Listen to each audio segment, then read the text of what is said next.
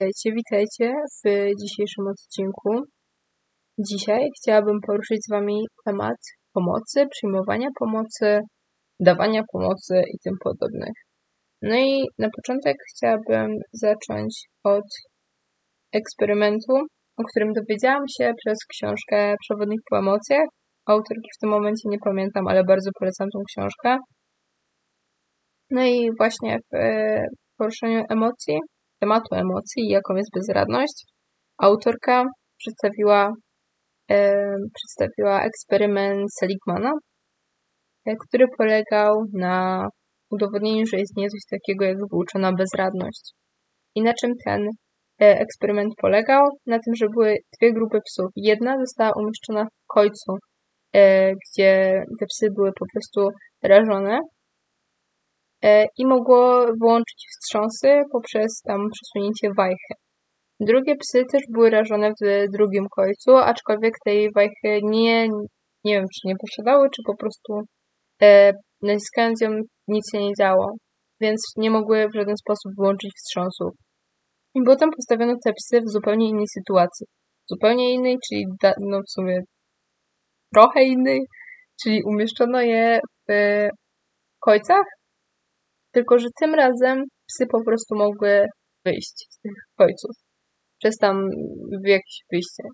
No i te psy, które miały wajchę i mogły wyłączyć wstrząsy, po prostu wyszły.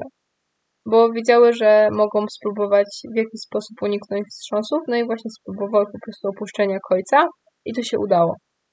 A drugie psy, które nie mogły wyłączyć wstrząsów, po prostu nie podjęły żadnych działań, nie wyszły z tych końców, mimo że mogły. I o to właśnie mi chodziło, żeby Wam pokazać. Dlatego, bo to jest związane właśnie z włóczoną bezradnością. W momencie, gdy człowiek czuje się bezradny w jednej sytuacji, która trwa bardzo, przez bardzo długi czas, w następnej może też poczuć bezradność nie widzieć po prostu um, ciągu przyczynowo-skutkowego między tym, co robi, a tym, co się dzieje.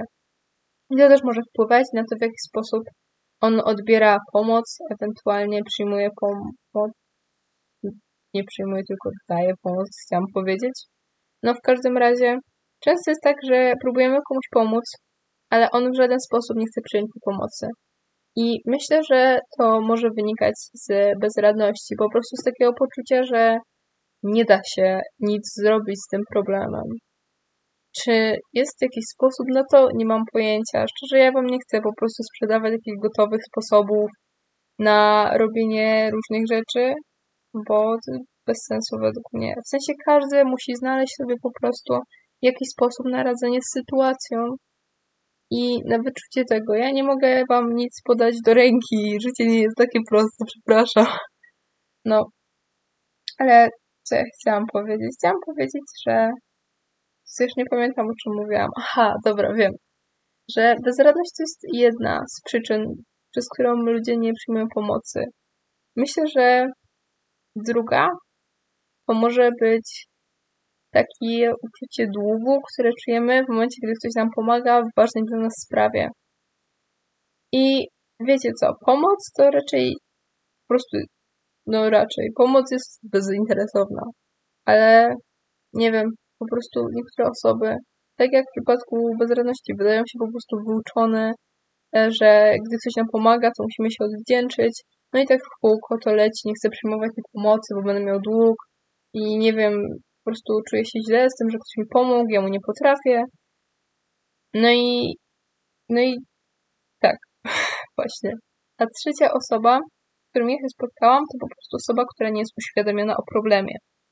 To jest osoba, która mimo, że ma problem, mogący bardzo źle wpływać nawet na środowisko wokół, w żaden sposób nie potrafi sobie pomóc, bo ona nie czuje, że ma ten problem. I wiecie, w sensie, bo to się wydaje takie bez sensu trochę, ale z drugiej strony, wiecie, normalizacja czegoś, co nam przeszkadza, to też jakiś sposób radzenia sobie z daną sytuacją.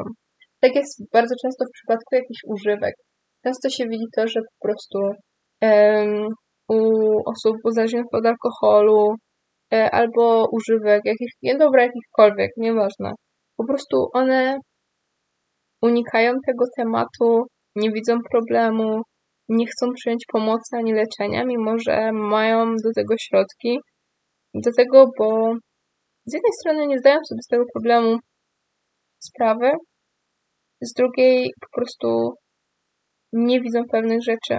To jest tak, że no dobra, ja w sumie nigdy nie byłam od niczego uzależniona, no chyba, że od czekolady. No i też nie postrzegam tego jako problem. Też nie mogę się postawić w skórze tych osób. Ale myślę, co jest najważniejsze według mnie, jeśli chcemy komuś dać pomoc. Najważniejsze to jest nie naciskać na takie osoby. Dlaczego? Bo to je może speszyć. Przynajmniej tak mi się wydaje, prawda? Ja też nie jestem, nie wiem, fachowcem. Ja nie mogę mówić o całym społeczeństwie, o po prostu yy, milionach ludzi, z którymi się spotkałam jak dotąd. Milionach, no po prostu, jest co ja gadam w ogóle. Nie mogę mówić za wszystkich, prawda? Niektóre, może nie wiem, po swoim nacisku coś działają, ale to jest rzadko bardzo, myślę. To musi być własna wola, świadomość o problemie. Nie może być tak, że ktoś rozwiązuje problem dlatego, bo nie wiem, bo żona się czepia, na przykład. Taki stereotyp żony czepiającej się męża, tak? Albo na przykład dlatego, bo dzieci będą smutne. I wtedy jakby ten jeden problem, który ta osoba ma, przekształca się w problem innej osoby. Rozumiecie? Czyli we mnie nie ma problemu, ale muszę to zmienić, bo moja żona ma z tym problem. Czyli to żona ma problem, nie ja, ale ja muszę coś zrobić. Właśnie tego musimy uniknąć. Ważna jest świadomość, że posiada się pewien problem, tak? I myślę, że co jest ważne, też jeśli jakaś osoba po prostu jest, jest świadoma problemu, chce sobie pomóc, ale na przykład nie chce przyjąć pomocy konkretnie od nas, to po prostu odpuścić. Bo po co mamy sobie szarpać nerwy?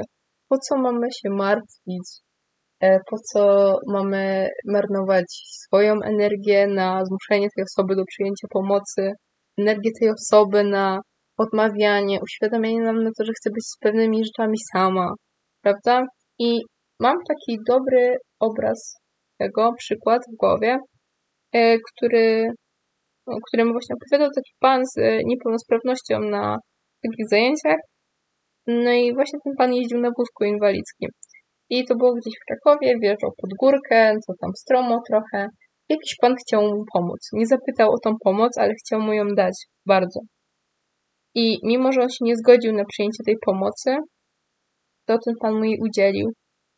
I popchnął jego wózek pod górę. Zaczął jakby go pchać, a ten wózek był w jakiś sposób zablokowany. Ja nie mam żadnego pojęcia, jak działają wózki inwalidzkie nie mogę, nie, ja nie wiem, jak, jak to działa naprawdę. Raz w życiu się spotkałam tak bliżej z wózkiem inwalidzkim i ja nie umiem go obsługiwać jak dotąd. Raz wsiadłam i próbowałam i się wywaliłam, więc nie jestem w tym dobra. W każdym razie właśnie wtedy ten pan z niepełnosprawnością i ten drugi pan się przewrócili, dlatego, bo wózek po prostu szarpnął, tam ten pan spadł. Ja nie wiem, czy to jest możliwe, czy, czy nie wiem, czy te wózki tak działają, czy po prostu ten pan z niepełnosprawnością wymyślał do tego, bo chciał nas ostrzec, ale nie wiem. E, no w każdym razie, w każdym razie obu panów się wywaliło, no i tyle było z tej sytuacji. Dlatego przed udzieleniem pomocy trzeba wiedzieć, czy ta osoba jej chce.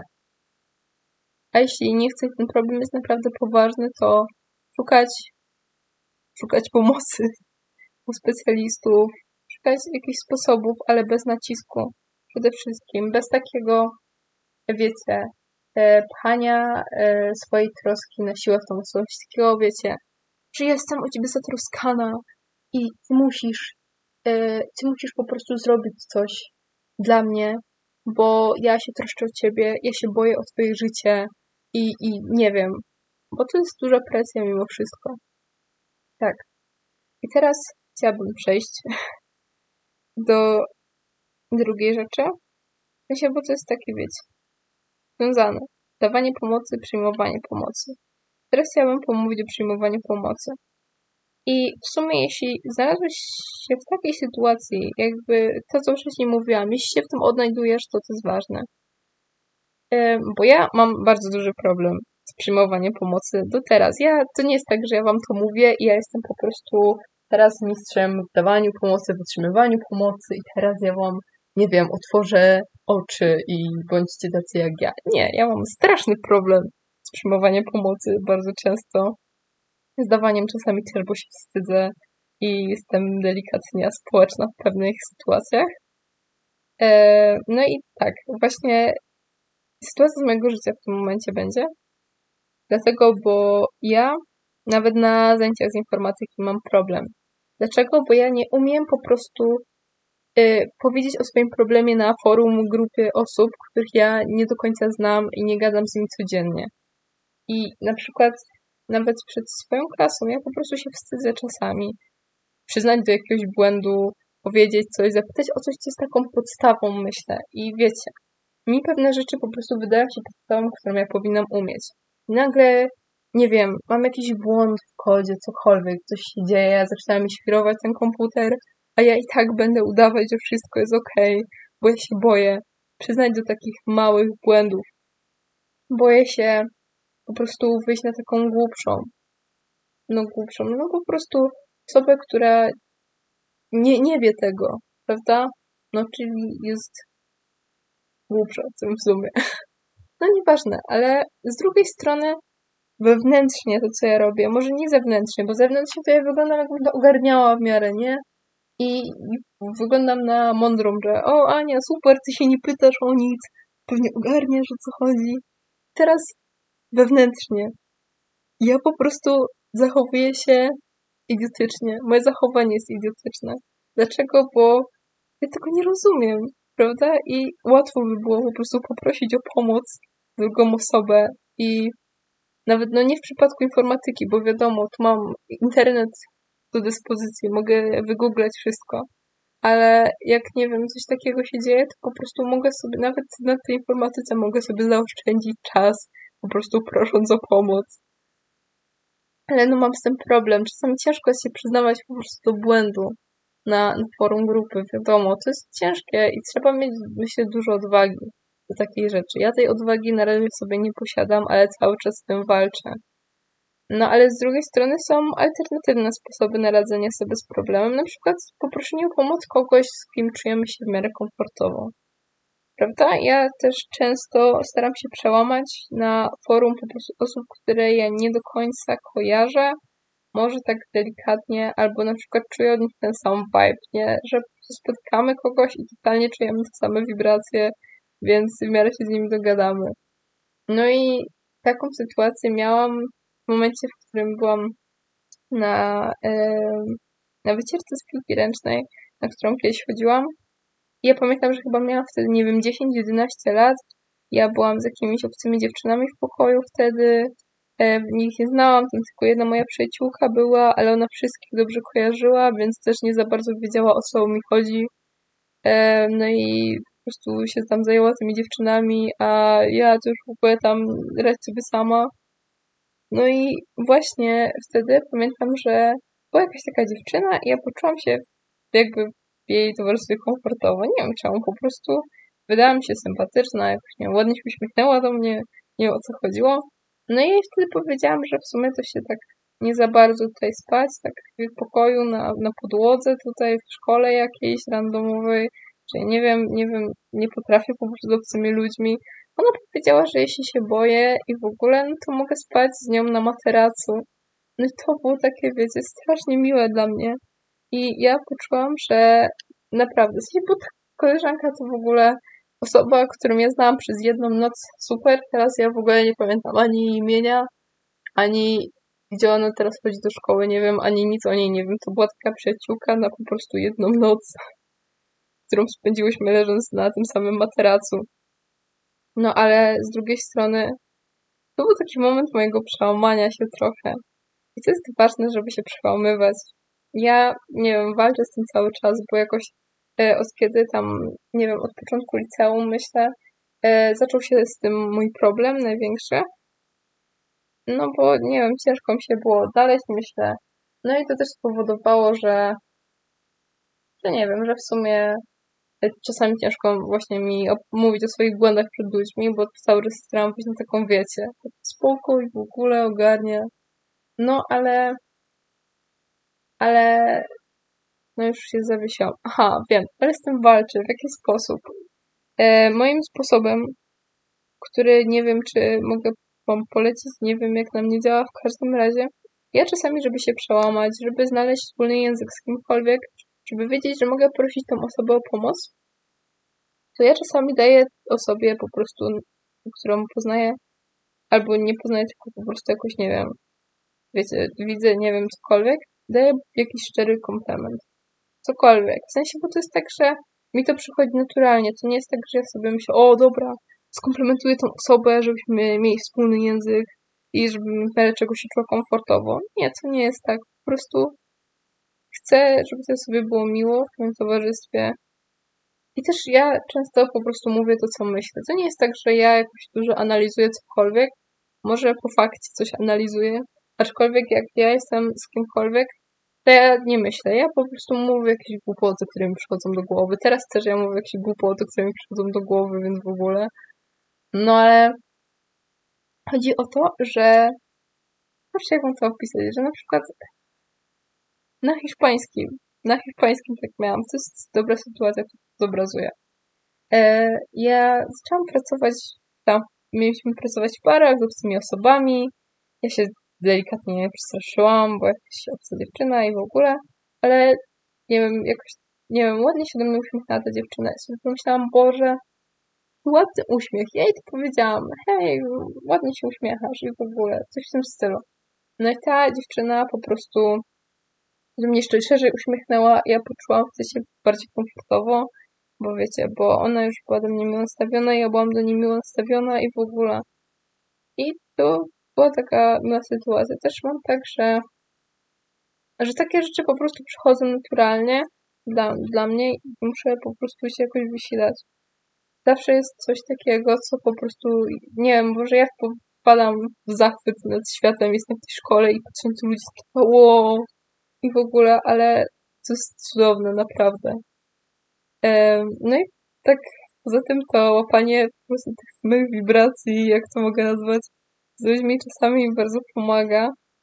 Wiadomo, że czasami ciężko jest to zrobić, ale mimo wszystko, jak już poczujemy, że z kimś możemy się dogadać, to jest o wiele łatwiej nam prosić o pomoc.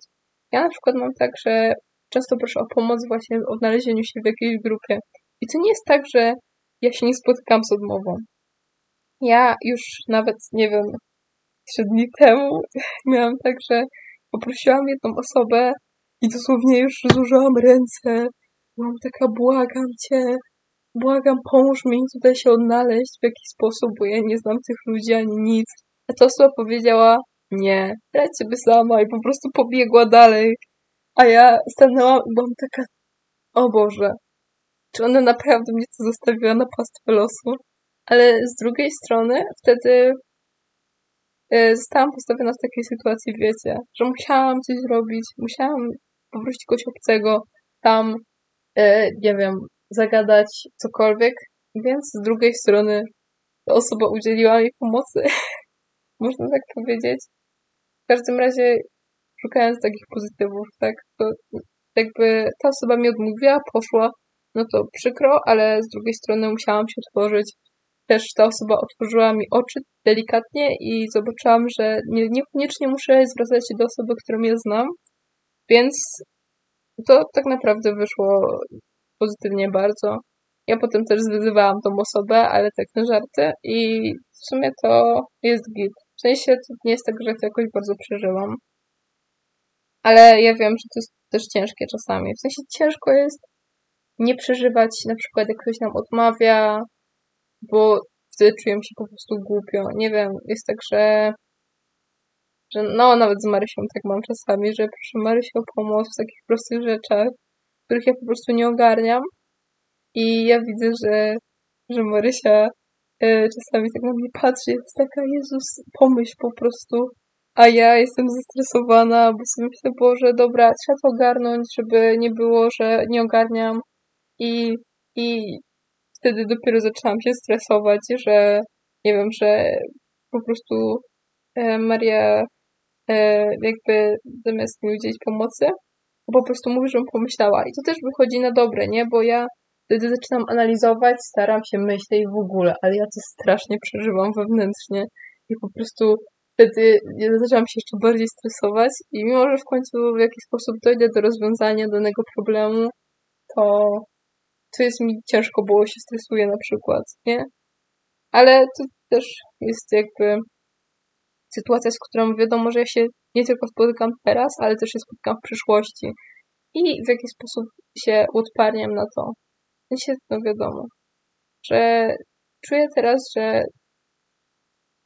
Kurczę, jak mam to opisać? Że w sumie odparniam się na to w ten sposób, że w tym momencie, jak tak sobie o tym myślę, to wiecie, to jestem taka, że w sumie to dobrze zrobiła Marysia, że, że mi tam powiedziała, żebym to zrobiła sobie sama, nie? Samo e, ta osoba, która wtedy mi tam nie pomogła się zasymilować, co też mi pomogła.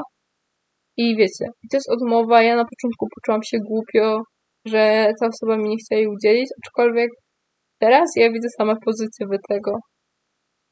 No ja też nie mówię o takich sytuacjach, wiecie, nie wiem, na ulicy, że prosimy kogoś o pomoc, a on, nie wiem, mówi, spierdolaj, albo coś takiego, nie? Bo to też jest w ogóle zupełnie inna sytuacja, którą ja się w sumie rzadko spotykam. Tak myślę przynajmniej. Bo też mi ciężko jest podejść tak do obcych osób.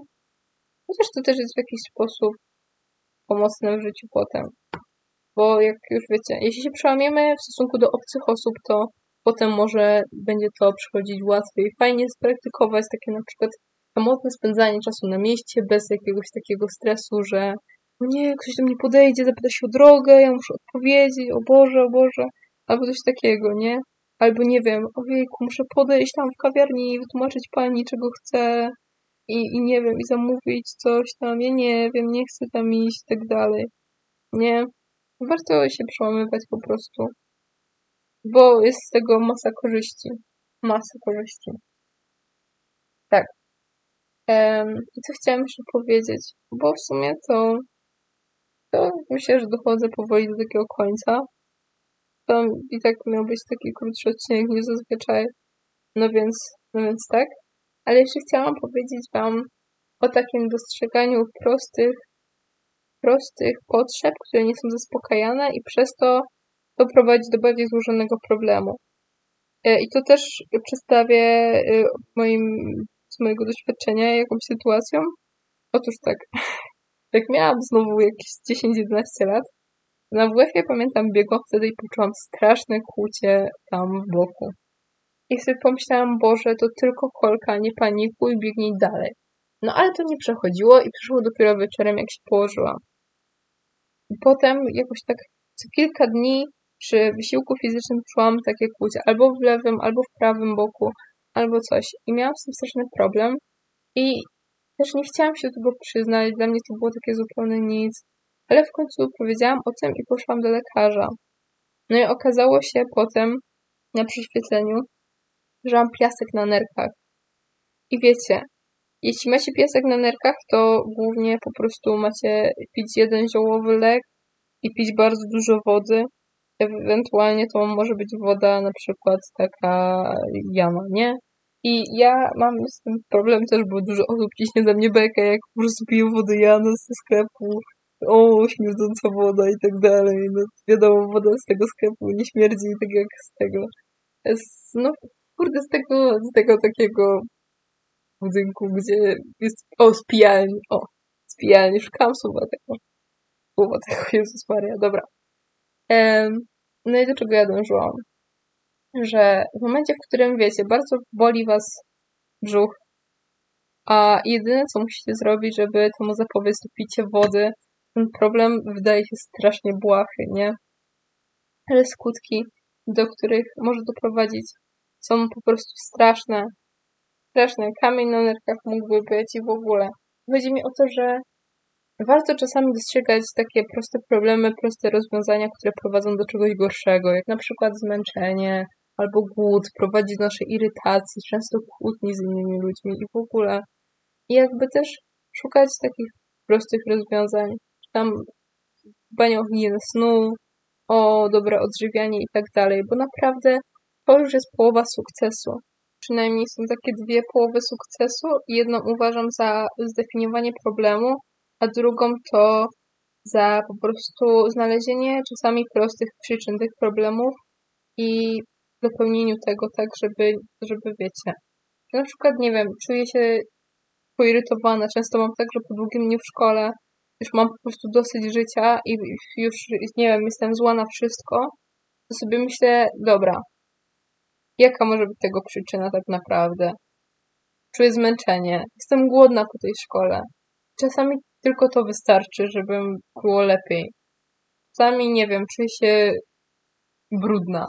Jest tak, że przychodzimy po długim dniu gdzieś tam, e, nie wiem, poza domem i nagle stajemy w tym domu i wiecie, takie, to jest takie uczucie na przykład brudnych rąk, że ja, ja tak przynajmniej mam, że jak przychodzę do, do domu, to czuję taką potrzebę, żeby umyć te ręce. I to nie jest tak, że wiecie, że jest dobra, e, tam trzeba myć ręce po, e, po przyjściu do domu i w ogóle, tylko ja czuję, że, że czuję się taka, wiecie, taka oblepiona tym światem.